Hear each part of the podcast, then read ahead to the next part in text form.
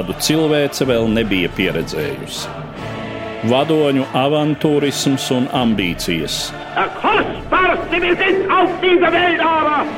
Valsts vīru neizlēmība un ilūzijas. Arvien jaunas valstis ievilktas kara virpulī. United States of America was suddenly and deliberately attacked nežēlīgi malti cilvēku un tautu likteņi. Lai dzīvo darba tautas draugs un ģeniālais vadonis biedrs Stalins! Otrais pasaules karš sarunās ar Eduardu Liniņu raidījumu ciklā Satumsums. Labdien, cienījamie klausītāji! Sakarā ar Otrā pasaules kara noslēguma 75. gada dienu šodien turpinu vēstījumu par šī kara norisēm, izmantojot fragmentus no raidījumu cikla Satumsums, kas pirmoreiz bija ēterā no 2009. līdz 2015. gadam. Šodien par norisēm šī kara austrumu frontē. Konkrētāk par divām lielām kaujām, kuras uzskata par pavērsienu kara darbībā starp Padomju Savienību un Vāciju. Pirmā no tām bija Staļingradas kauja, ilga militāra pretstāve pie Volgas no 1942. gada augusta nogales līdz 1943. gada februāra sākumam, kurā virsroku guva sarkanā armija stāsta vēsturnieks Latvijas Nacionālās aizsardzības akadēmijas pētnieks Valdis Kusmins. Visu šo laika posmu starp tā saucamās Maskavas kaujas beigām un Staļingradas kaujas sākumu var raksturot kā tādu cīņu par frontes stabilizāciju no Vācijas armijas puses. Viņi mēģināja likvidēt iebrukumus, nostiprināt frontes līniju, kas bija sašķobījusies, un jāatzīst, ka šīs salīdzinoši nelielās, nepārāk skaļās tādas operācijas, kurās vācu vienības nevirzījās tālu uz priekšu, tomēr brīžiem viņas bija pat daudz veiksmīgākas nekā tādi dziļie iebrukumi ar lieliem ielenkumu katliem, kas izklausījās ļoti skaļi, bet tomēr reāli iegūmi varbūt bieži vien nebija tik daudz. Un šeit pirmkārt būtu jāmin tā saucamā Harkovas kauja 1942. gada pavasarī, vasaras sākumā, aprīlis, maijs, kur sarkanās armijas vienības mēģināja ieņemt Harkovu, tomēr pēc neilgām kaujām pašas nokļuva ielenkumā ar ļoti smagiem zaudējumiem. Šeit jāpiemina Sevastopolis ieņemšana 1942. gada vasarā un atsevišķas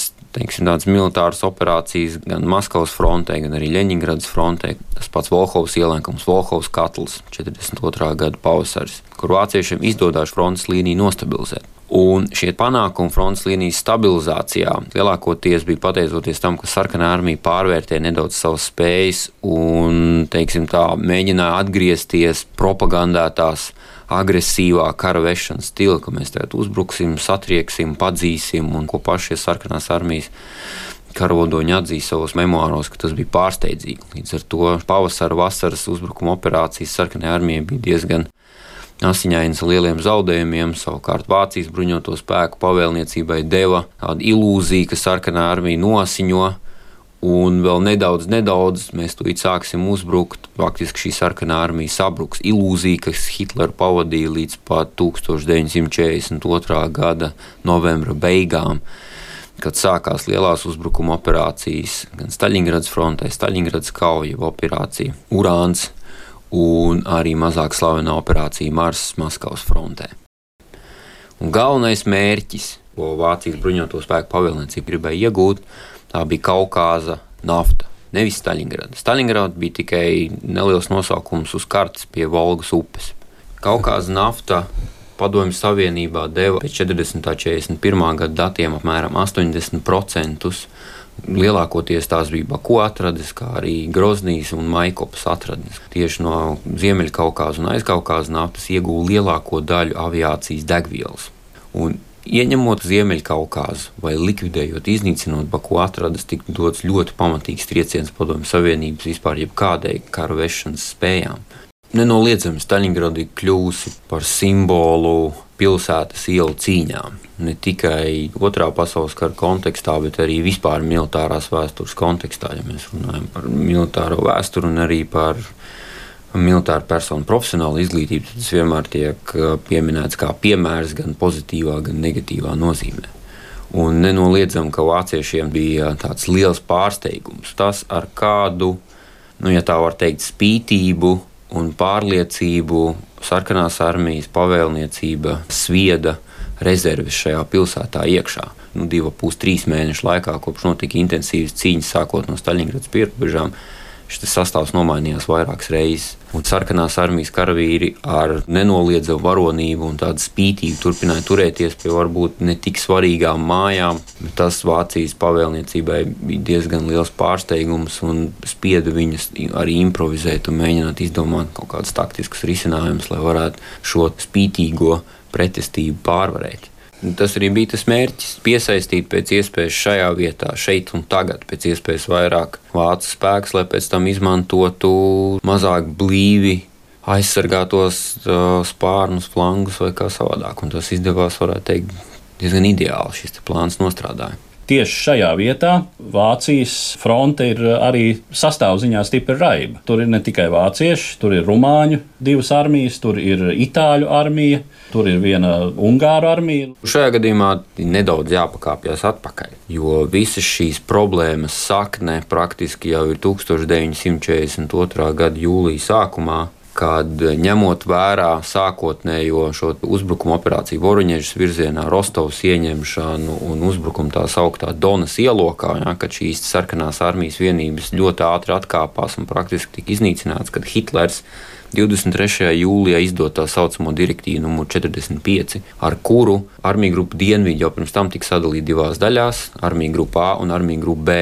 Armija grupa B uzdevums ir gar Donas upi noturēt frontes līniju, un pamatmērķis armijas grupai B bija kā reizes Staļingradas ieņemšana. Savukārt armijas grupai A bija jāuzbruk dienvidu virzienā, ieņemot šīs naftas atradnes. Sākotnējais plāns bija no sākuma ieņemt Staļingradu, no sākuma nostiprināt frontes līniju gar Donu un pēc tam tikai uzbrukt dienvidu virzienā. Hitlers improvizēja ar savu plānu, un improvizācijas rezultātā sanāca tā, ka viņš sasniedz nec vienu, nec otru. Šīs abas armijas grupas uzbruka 90 grādu leņķī attiecībā viena pret otru, tas gandrīz pretējos virzienos, kas bija nepieļaujami. Līdz ar to ar šo tādu strateģisko kļūdu arī sākās nākamās visas kļūdas, ka Staļingrada netika ieņemta, ka nācās šīm sabiedrotā vienībām ar nepietiekošiem spēkiem noturēt ļoti plašus frontes sektors. Viena lieta, kādēļ mēs saprotam, ka rumāņi, itāļi un ungāri nebija pilnīgi nekādi karotāji, tas ir tādēļ, ka mēs to visu uzzinām no vācu memoāriem. Loģiski, ka vācieši cenšas parādīt sev vairāk kā liels cīnītājs, savukārt šos savus sabiedrotos kā tādus negluži cīnītājus, lai gan bieži vien tas ir negluži atbilstoši patiesībai.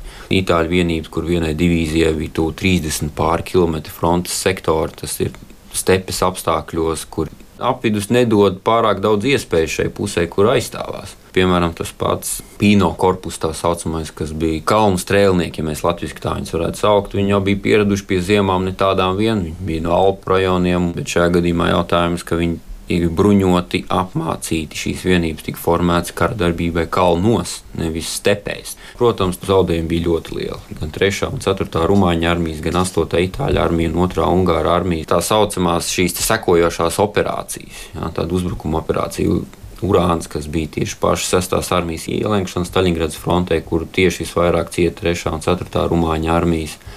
Pēc tam sekojošā operācija Mazais Saturns, kur lielākoties smagi cieta 8. itāļu armija, un pēc tam jau nākamās operācijas, kas bija vērstas tieši pret Ungāru un atlikušām itāļu armijas vienībām. Tie zaudējumi bija dažādi, kā no kurām daļām, nu, katrā ziņā stipri virs 50%, kas priekš teiksim, tādām itāļu, rumāņu un vācu vienībām bija ļoti liela zaudējuma. Bet būtiskākais, kas šajā zaudējumā varbūt bija ne tik daudz militārie zaudējumi, tehnikas zaudējumi, bet tas, ka pēc Staļingradas kaujas visas šīs minētās valstis jau gandrīz politiski pieņēma lēmumu vairs neiesaistīties aktīvā kara darbībā austrumu frontē. Un tas bija ļoti būtisks zaudējums. Un šeit var runāt, jebko, cik viņi bija slikti karotāji, labi karotāji vai kā savādāk.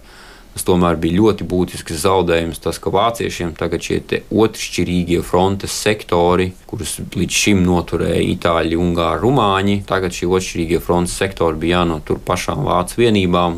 Uzbrukuma operācijas urāns panākums noved pie tā, ka armija grupa A, kas atradās Ziemeļkaukazā, Groznijas pievārtē, Vladikaukāzes pievārtē un tā tālāk, viņas atradās pusielēnkumā un vajadzēja domāt, ko darīt ar viņiem.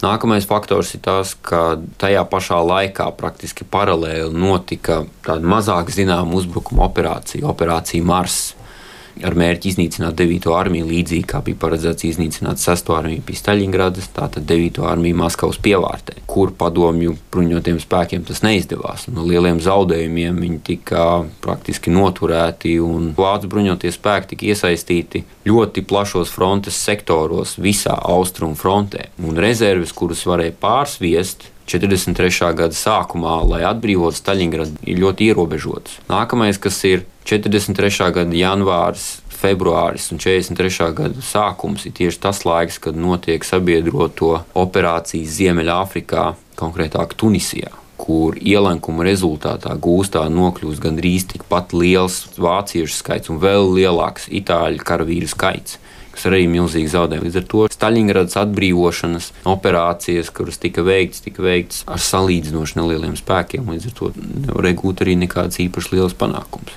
Tā līdz 1943. gada pavasarim vācieši spiest atstāt Rostovu, vācieši spiest atkāpties no Ziemeļkaukās uz Kubaņas pussalu. Un atkāpšanās notiek līdz pat Harkovai, un praktiski frontes līnija līdz 43. gada aptuveni martām ir jau tikpat tālu, cik viņi bija 42. gada jūnija beigās, kad sāka šī vasaras ofensīva. Tad viss, ko vācieši ieguva sākot no 42. gada jūnija beigām līdz 43. gada marta sākumam, viņiem ir zaudējuši un frontē ir milzīgi caurumi.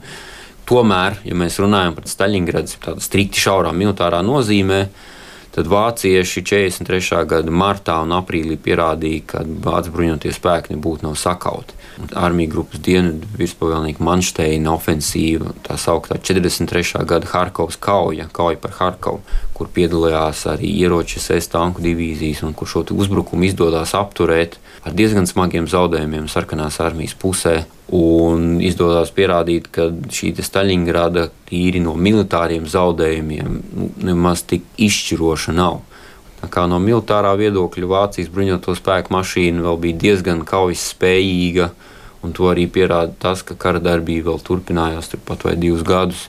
Neskatoties uz to, ka pa to vidu tika atklāta otrā fronte, ka notika kara darbība Itālijā, neskatoties to, ka tika zaudēti praktiski visi sabiedrotie, šis otrā pasaules kara beigu brīdis nemaz nevarēja pienākt tik ātri, un tas nebija tik vienkārši.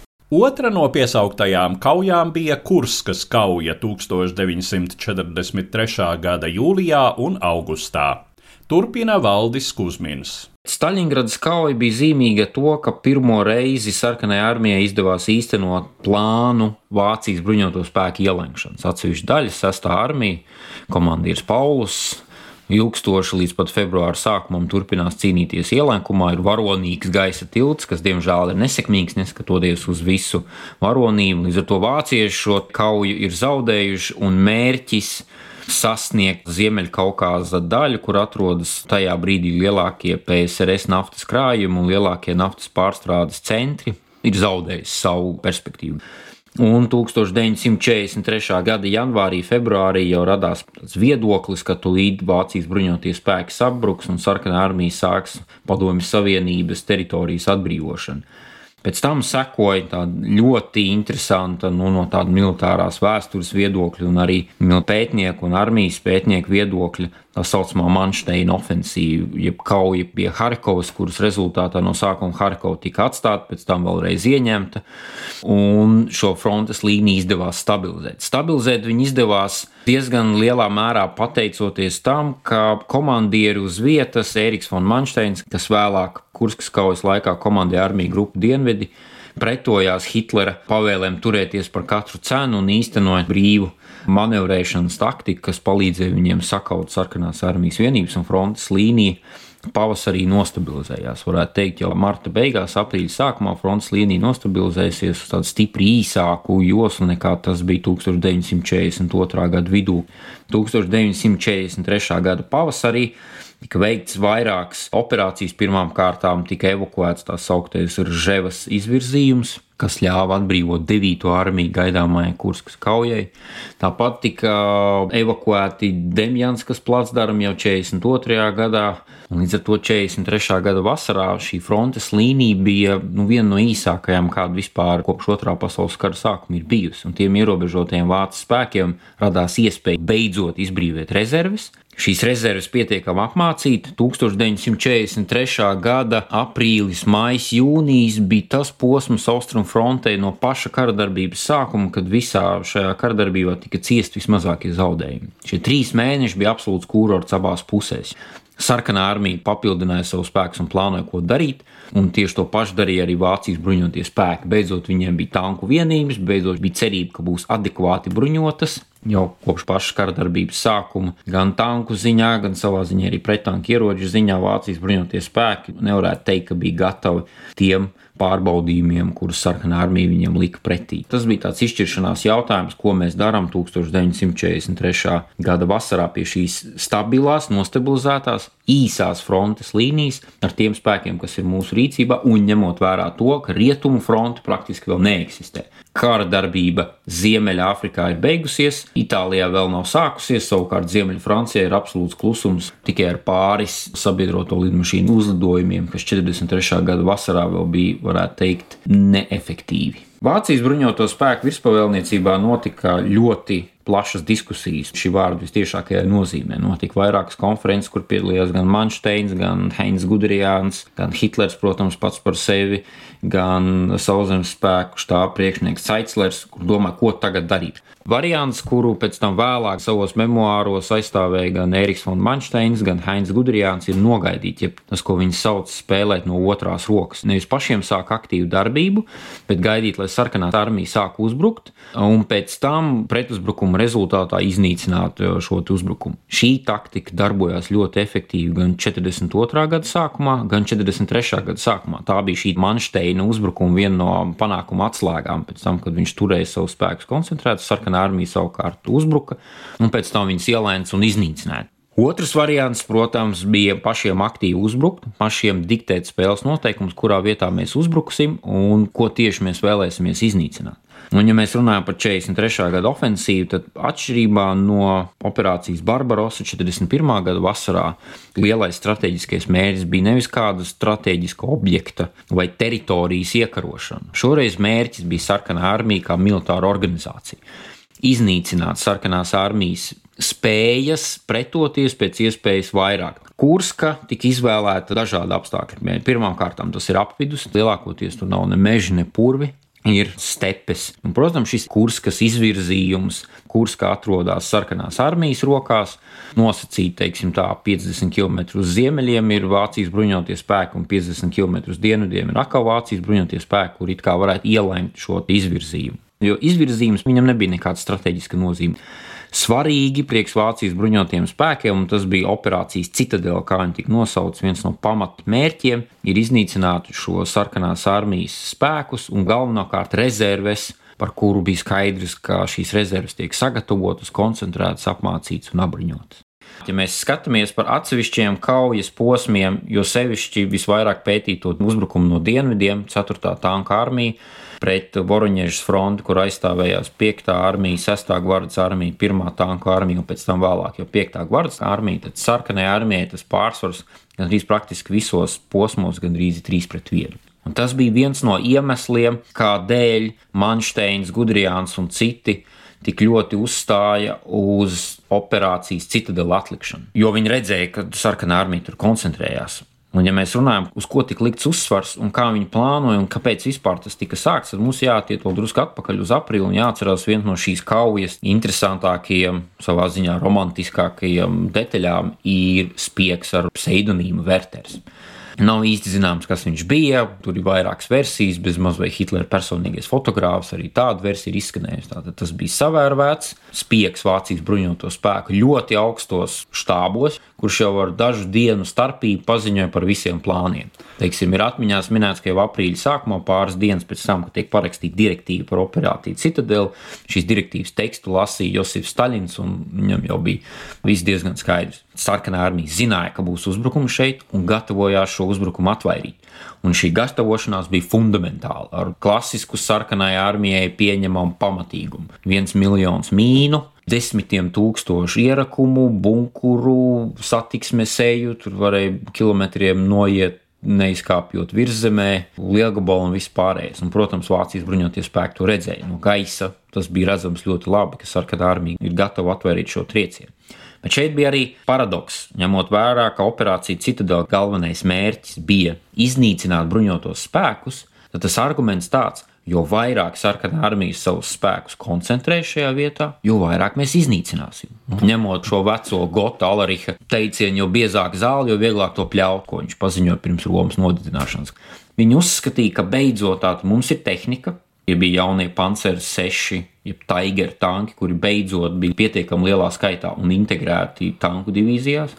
Bija plāns, ka jaunie panceri 5, ja panter tanki, kas pirmoreiz parādījās austrumfrontē, 190 kopējā skaitā teorētiski, bet tā kā viņi visu laiku lūdza, tad praktiski viņi bija stipri mazāk jaunas lidmašīnas, jaunas artērijas koordinācijas metodas, aviācijas koordinācijas metodas, radars, kas parādījās lauka aerodromos, lai varētu labāk vadīt lidmašīnas. Un tas uzsvars tika likt, ka mēs esam labāk apmācīti, labāk apgādāti, tehniski spēcīgāk tādā organizācijas un karaspēka vienību vadības ziņā. Un jo vairāk viņi nāks, jo vairāk mēs iznīcināsim. Aprīļa sākumā izsūtītā direktīva precīzi nenorādīja, kurā vietā būs jānotiek uzbrukumam. 4. tanku armija un armija grupa Kempf ieņēma nedaudz vairāk par 100 km fronti, kur teorētiski varēja uzbrukt. Verters nezināja tieši pie kura ciemata, kurā kilometrā šis uzbrukums notiks. Un karaspēka koncentrācija nenotika līdz pēdējai minūtei šī auftrāks taktika, ka tev nevis saka, kur tieši tev jāuzbrūk, bet tev pavēlē norāda, kas tev ir jāizdara. Un tev bija jāvirzās no dienvidiem uz ziemeļiem, un kuru ceļu tu izvēlēsies, kuram purvam tu brauks apkārt, kuram brauks pāri. Tas tika atstāts vietējo komandieru ziņā. Līdz ar to bija iespēja no šiem 100 km izvēlēties piemēram 5, kurā uzbrukt otrais SS tanku korpus ar saviem tūpīgi 500 tankiem, un šajos 5 km viņiem savukārt būtu pārsvars 5 pret 1. Un tas ir jautājums par iniciatīvu. Bija svarīgi turēt spēles noteikumus savās rokās, diktēt tempu, laiku, vietu, kurā šis uzbrukums notiks. Un otra lieta - sarkanā armija bija ģeniāla uz ātru operatīvu koncentrēšanās veikšanu. Piemēram, pirms Staļingradas kaujas dot iespēju sarkanai armijai kaut kur koncentrēt lielus spēkus, bija tā, spēlēties savā ziņā ar uguni. Šajā gadījumā bija skaidrs, pie Kurskas ir galvenās rezerves, šeit būs galvenā kauja, tas jau būs 100 x 100 km, nevis 1000 x 1000 km, kur izdzināties viņam līdzi būs diezgan sarežģīti. Uzbrukums sākas 5. jūlijā no ziemeļiem, kur uzbrukā 9. armija, ko vada vēlākais Feldmašāls modelis, un 4. tanku armijas un armiju grupas Kemp uzbrukums no dienvidiem virzienā uz Kursku. Sekmīgāks ir uzbrukums no dienvidiem. Un galvenais iemesls tas, ko jau es minēju. Dienvidos bija grūtāk identificēt precīzu uzbrukuma sektoru, kur tieši šīs tanku divīzijas uzbruks. Un tas viņiem arī deva iespēju sakoncentrēt šos spēkus šauros sektoros un izmantot savu pārspēku šauros sektoros. Un tad šī virzīšanās uz priekšu notika relatīvi sekmīgi, 5-6 km dienā, un sarkanās armijas vienība šeit jau no pirmajām dienām sāk ciest ļoti smagus zaudējumus. Jo Viņi vairs nevarēja atrasties savos ierakumos, viņiem nācās atkāpties, manevrēt, rīkot pretuzbrukumus. Un šie lokālie pretuzbrukumi, kurus no sākuma veids pirmā tanka armija pēc tam jau piektā gvardas tanka armija, bija tādi ļoti asiņaini gan tehnikas, gan arī cilvēku ziņā. Ziemeļfrontē, tā centrālajā frontē, ko komandēja no sarkanās armijas puses Rokosovskis, viens no slavenākajiem komandieriem, viens no inteliģentākajiem komandieriem, kā tiek uzsvērts, viņam izdevās ļoti precīzi identificēt, kur būs šis uzbrukums. Un pretī 9. armijas triecienu spēkam viņam izdevās radīt savu galveno triecienu spēku. Tātad viens pret vienu. Tur neizdevās manevrēt turp šurp, un šis artērijas pārspēks sarkanajā armijā bija diezgan nospiedošs. Līdz 12. jūlijam izdevās pavirzīties līdz 30-35 km uz ziemeļiem no dienvidiem, sasniedzot slaveno Prohorovkas ciematu, kas ir šīs kaujas lielākais simbols kas lielākoties kļuva par simbolu, protams, padomu propagandas rezultātā. Pateicoties 5. gvardas tanka armijas komandierim Rotmistrovam, viņš uzrakstīja memoārus, un šī Prohorovkas kauja tur iegāja kā slavenākā tanka kauja, kur līdzīgi kā viduslaikos smagi bruņot bruņinieki viens pret otru turnīros, tur bez maz vai saskrējās un grūstījās ar stobriem un tā tā. Tas ir absolūts mīts.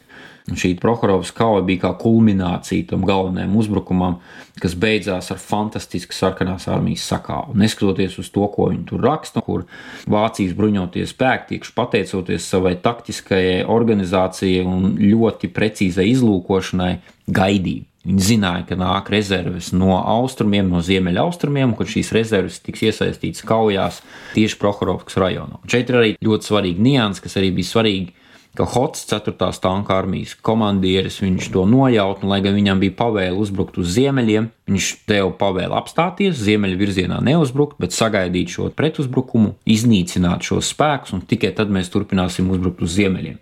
Un šī kauja zaudējuma ziņā bija viena no asiņainākajām vispār. 5. gvardas tanka armija kaujā iesaistījās ar 642 tankiem, kas 12. jūlijā rītā tuvojās Prohorovkas ciematam starp divām upju ielām. Tas bija relatīvi neliels lauks, pāris kilometru plats un 10 km garš. 642 tanku kaujā iesaistījās, no kuriem līdz dienas beigām 340 tika iznīcināti.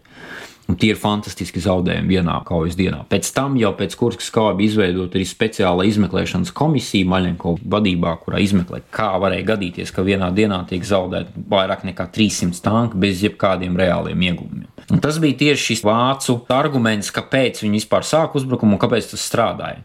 Viņa informācijas aprit no priekšējām vienībām, štābiem, štāvu, lēmumu pieņemšanas ātrums un veids un brīvība, kas tika dot zemākajiem komandieriem, kā karot, kur likt tankus, kur ierakties, kur likt lielgabals, atkāpties kilometru vai pabīdīties pa labi, pa kreisi, deva viņiem šo priekšrocību. Un Kurskas kauja 17. jūlijas ir pēdējais datums, kad tas beidzās. Tur vēl tiek ielenkta sarkanās armijas vienības dienvidu frontē bet kauja apstājās un lielā strateģiska operācija tiek apturēta. Un ir, protams, ļoti plaša diskusija, kāpēc tas notiek. Un ir vairāki lieli argumenti. Pirmais, 9. un 10. jūlijā sākas izsēšanās Sicīlijā, un 17. jūlijā šis otrais tanku korpus SS jau tiek atsaukts no frontes ar mērķi pārvietot viņus uz rietumu fronti, ko daļēji arī īstenoja.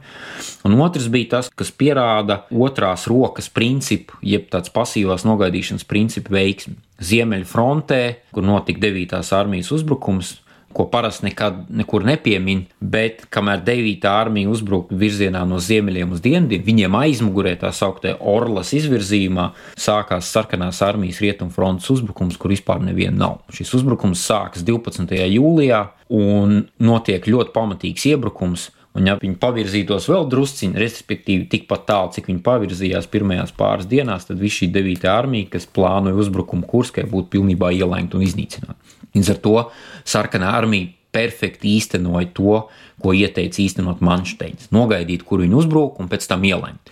Šis ielēkums neizdevās pilnībā, bet uzbrukums ziemeļu sektorā tika momentāli apturēts Varbūt viņš būtu sekmīgs, varbūt nebūtu sekmīgs. To ir grūti spriest. Galvenais iemesls nebija tas, ka Rokosovskis sekmīgi aizstāvējās. Galvenais iemesls bija tas, ka viena nedēļa pēc uzbrukuma sākuma pēkšņi ir uzbrukums aizmugurē. Un līdz ar to tur vairs nav diskusija, ko viņi varēja darīt. Viņam vajadzēja tanku vienības no turienes vilkt ārā, un tas viss beidzās. Dienvidfrontē šī uzbrukuma varētu arī turpināt. Un to raksta arī Manšteins, ka viņu palūgtu vēl kādas rezerves klāt un turpināt šo uzbrukumu, un vēl būtu ļoti sekmīgi. Bet Tā kā ziemeļos viss bija beidzies, rietumu frontē jau sākās sabiedroto uzbrukums, tad bija skaidrs, ka nekādas lielas strateģiskas ofensīvas vairs nav iespējamas. Līdz ar to izskan mūsu raidījums, kurā aplūkojām divas izšķirošas kaujas Otrā pasaules kara padomju vācu frontē - Staļingradas kauju un Kurskas kauju. Dzirdējāt vēsturnieku Latvijas Nacionālās aizsardzības akadēmijas pētnieku Valdi Kusminu. Uz redzēšanos, cienījamie klausītāji! Raidījumā šīs dienas acīm cikls Satumsums - sarunas par Otro pasaules karu.